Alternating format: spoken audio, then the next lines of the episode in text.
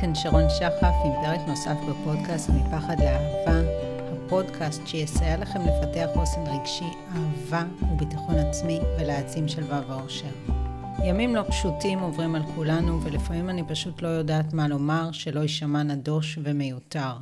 אז לאחר מחשבה רבה החלטתי לדבר על נושא שצף ועולה אצל המון מהמתאמנים שלי, ללא קשר לטייטל שלהם שיכול להיות גם VP ולדרגת ההצלחה שלהם. זה עולה בימים שקטים וגם בימי מלחמה.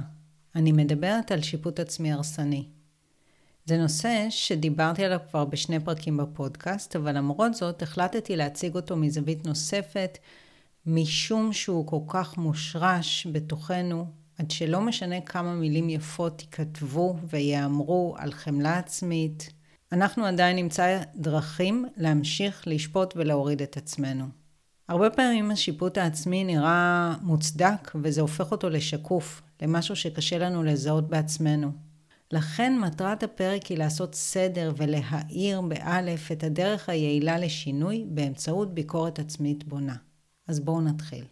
אז בעצם הפרק הזה אה, יוצג במעין טבלה, כאשר אני מדברת על רעיון מסוים, איך הוא בא לידי ביטוי בשיפוט עצמי הרסני, לא בריא, ובביקורת עצמית בונה, ואיזה שאלות אתם יכולים לשאול את עצמכם כדי לעבור בעצם משיפוט עצמי לביקורת עצמית. אז בואו נתחיל רגע עם הרעיון הבסיסי. הרעיון הבסיסי של שיפוט עצמי זה אני חייב להיות מושלם. להצליח באופן אבסולוטי. לעשות הכל 100%. לא להיכשל אף פעם, וגם לא לא להצליח או לטעות בשום דבר, לעולם.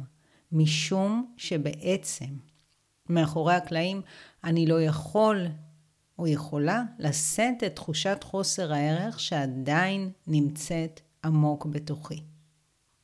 הרעיון של ביקורת עצמית בונה הוא אני רוצה להתקדם, לשנות דפוסים מסוימים שפוגעים בי או באחרים, דברים שמביאים לי תוצאות לא רצויות. אני רוצה לחוות עוד מהיכולות שלי, ליהנות יותר, לנהל יחסים אפקטיביים יותר, להצליח יותר במה שאני עושה. והשאלה שתוכלו לשאול את עצמכם כדי להבחין איפה אתם נמצאים היא, לאן הרעיון הזה מקדם אותי? עכשיו ככה נסתכל במה המיקוד בכל אחד מן השניים. אז כשמדובר בשיפוט עצמי, המיקוד הוא ביצירה ושימור של הדימוי העצמי, או דימוי בעיני אחרים, של האדם החיובי, הנכון במרכאות, והמצליחן, שאחרים יסתכלו עליו ויתקנאו בו, או שסוף סוף יוכל להיות מספיק נכון ומוצלח כדי להרגיש טוב עם עצמו, כי כרגע הוא לא.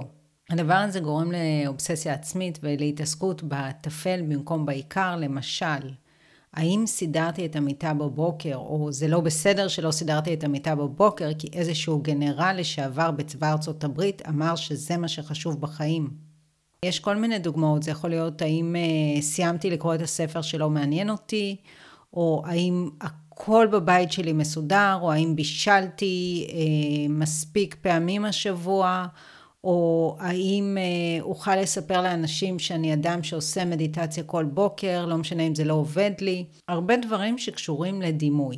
ביקורת עצמית מתמקדת במה שפוגע באיכות חיי, במה שיכול לגרום לי יותר סיפוק, הנאה ואושר, במערכות היחסים החשובות שלי.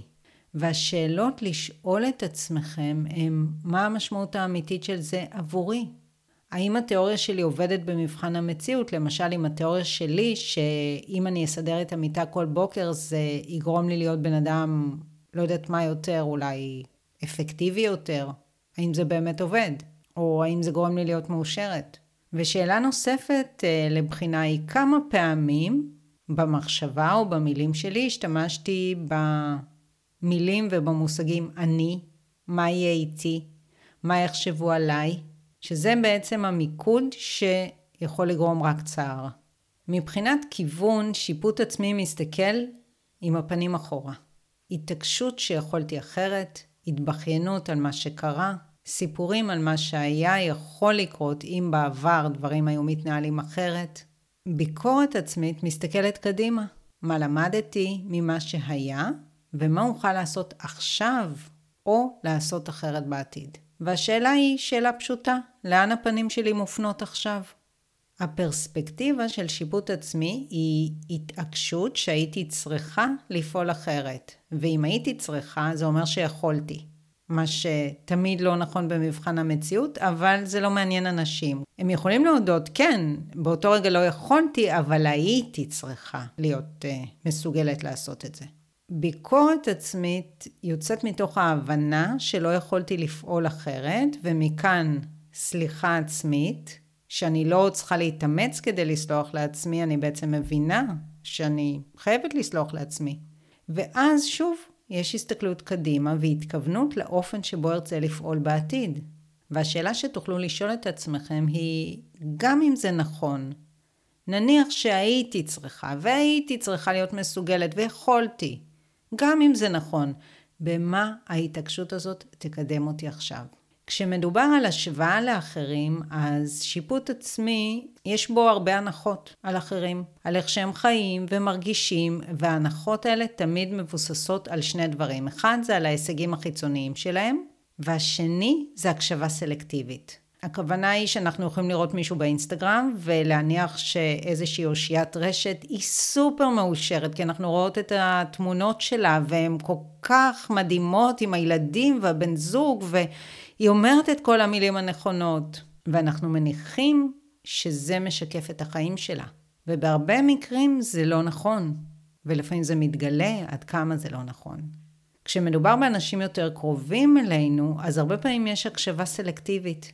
כי מישהו כן יחשוף דברים שהם פחות טובים ופחות נוחים ופחות נעימים בחיים שלו, ואנחנו לא נקשיב, אנחנו נסנן את זה. אם הוא X, סימן שהוא מרגיש Y. אם הוא עובד בהייטק, סימן שיש לו ביטחון עצמי. האומנם? כשמדובר בביקורת עצמית בונה, אז יש דברים שאני אסתכל על אחרים ואני אגיד וואלה, הייתי רוצה להיות יותר ככה באספקט הזה, או יותר ככה באספקט הזה, אבל יש גם ראייה מפוקחת של אחרים, ויש הקשבה אמיתית לאחרים מתוך סקרנות, וזה משהו שיוצר אותנטיות ביחסים. אני לא אבוא ואומר, חברה שלי או אחותי, היא מאושרת, כן. יש לה יחסים נפלאים עם בעלה, הם כן, הם צורכים זה על זה מדי פעם, ו... אבל יש להם יחסים נהדרים והיא כל כך מאושרת. היה להם משבר והם כמעט רצו להתגרש, אבל היא כל כך מאושרת. זאת אומרת, ההתייחסות לא תהיה כזאת פלסטית, כל כך כמו פלקט, כמו איזה משהו שתלוי על הקיר. יהיה יותר עומק ויותר אותנטיות ביחסים, ולא יהיה את הצורך הזה להציג את עצמי תמיד כמו הכי דפוקה והכי מסכנה. והשאלה שאפשר לשאול כאן היא, מה באמת אני יודעת על הבן אדם הזה? וגם אם זה בן אדם יותר קרוב, אז מה הוא או היא סיפרו לי וסיננתי. כשמדובר על שיפוט עצמי הרסני, נראה שהמטרה היא לדרבן את עצמי על ידי ענישה עצמית, כי אולי אם יהיה לי מספיק רע, ארצה סוף סוף לשנות את מה שלא הצלחתי לשנות עד עכשיו. אז אולי אני צריכה לעשות לעצמי עוד יותר רע, עוד קצת רע. לפעמים המטרה היא פשוט להעניש את עצמי כי מגיע לי. ממש ככה. בעוד המטרה של ביקורת עצמית היא לעזור לעצמי באמצעות למידה ממה שקרה ויצירת כוונה עתידית. והשאלה שכדאי לשאול היא, האם זה באמת עוזר? האם באמת לדרבן את עצמי על ידי ענישה עוזר לי לא רק להשיג את המטרות שלי, אלא גם לחיות בצורה איכותית, ליהנות מהחיים שלי, להרגיש טוב עם עצמי? בואו נסתכל רגע על תפיסת ההתקדמות. כשמדובר בשיפוט עצמי, מדובר בהכל או לא כלום. יש טלטלה, משהו אה, הסיט אותי מהדרך המושלמת שלי, עצירה, לפעמים התפרקות, כי אני לא יכולה לשאת שום דבר שהוא פחות ממושלם, וחזרה בכל פעם מחדש לנקודת האפס, לרגע שממנו אתחיל להיות מושלמת.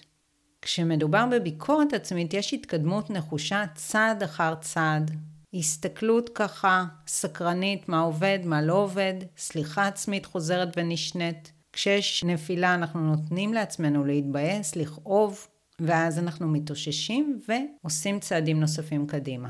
והשאלה היא, כמה זמן אני מתכוונת להמשיך ככה? וככה, כשנתתי את הדוגמה הזאת, זה הזכיר לי את הנושא של דיאטה. של המקום הזה שאוקיי, אם חטאתי, אז אני עכשיו אזלול, ואז אני אתחיל מההתחלה והכל יהיה נקי. אני אפתח דף חלק ומעכשיו הכל יהיה 100%. וזה משהו שאני חוויתי בעבר כשהיו לי הפרעות אכילה, משהו שמוביל לסינדרום הזה של זלילה ואז דיאטה נוקשה, שמסתיימת עוד פעם בזלילה ועוד פעם דיאטה נוקשה, וככה חוזר חלילה. אני יצאתי מהלופ הזה יום אחד לפני הרבה שנים, כשהבנתי זה לא עומד לקרות, לא עומדת להיות לי תזונה מושלמת, חלקה, נקייה, שילבתי בתוך התזונה שלי את כל הדברים שאני אוהבת ושמפילים אותי, וככה השתחררתי לחלוטין מכל הנושא של עיסוק יתר במשקל ובאוכל. ואם תרצו לשמוע עוד על זה, תוכלו לשמוע את זה בפרק אה, שהקלטתי, שנקרא איך להשתחרר אחת ולתמיד מאכילה רגשית. אז בואו נחזור לנושא שלנו, נדבר רגע על התייחסות עצמית. כשמדובר בשיפוט עצמי, ההתייחסות העצמית היא אני לא בסדר, לא כמו שאני אמורה להיות. עוד לא הגעתי לשם, למרות שלא ברור מה זה השם הזה, אבל הוא מאוד מאוד מאוד מאוד גבוה, מושלם.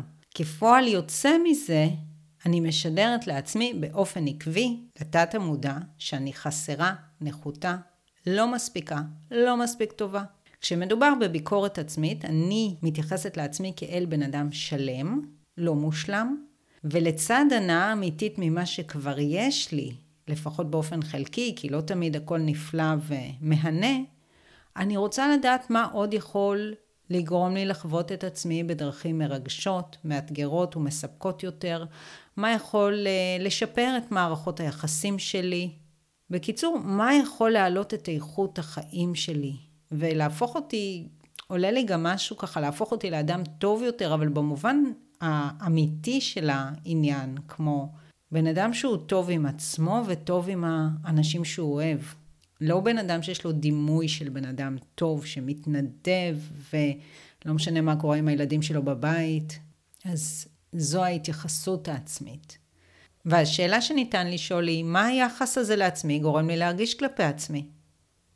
נסיים ככה עם uh, השוואה אחת אחרונה והיא התייחסות למושג חמלה עצמית. אז זה מושג נורא נורא פופולרי ולפרק שלי בפודקאסט שקראתי חמלה עצמית זה ישנה לך את החיים. יש הרבה מאוד האזנות, אחד הפרקים הכי פופולריים. אבל למרות זאת, אנשים שלוקים בשיפוט עצמי מחמיר, אולי זה לא יעבור להם בתודעה, אבל ההתייחסות שלהם למושג הזה היא, זה רעיון יפה, אבל טיפשי, הוא מעודד אותי בעצם להישאר בינונית. כי הרי הם רודפים אחרי איזושהי מושלמות לא מציאותית ולא מושגת. אז למה שיהיה לי חמלה לאני הבינוני הזה? כשאני אגיע לאני המושלם, תהיה לי הרבה חמלה לעצמי. כשמדובר בביקורת עצמית, ההתייחסות למושג של חמלה עצמית זה בעצם כפועל יוצא של הכרה בי המושלמות האנושית שלי ורצון לעזור לעצמי להשתנות, להשתפר ולהתקדם באופן שהוא אוהב ומכבד כלפי עצמי.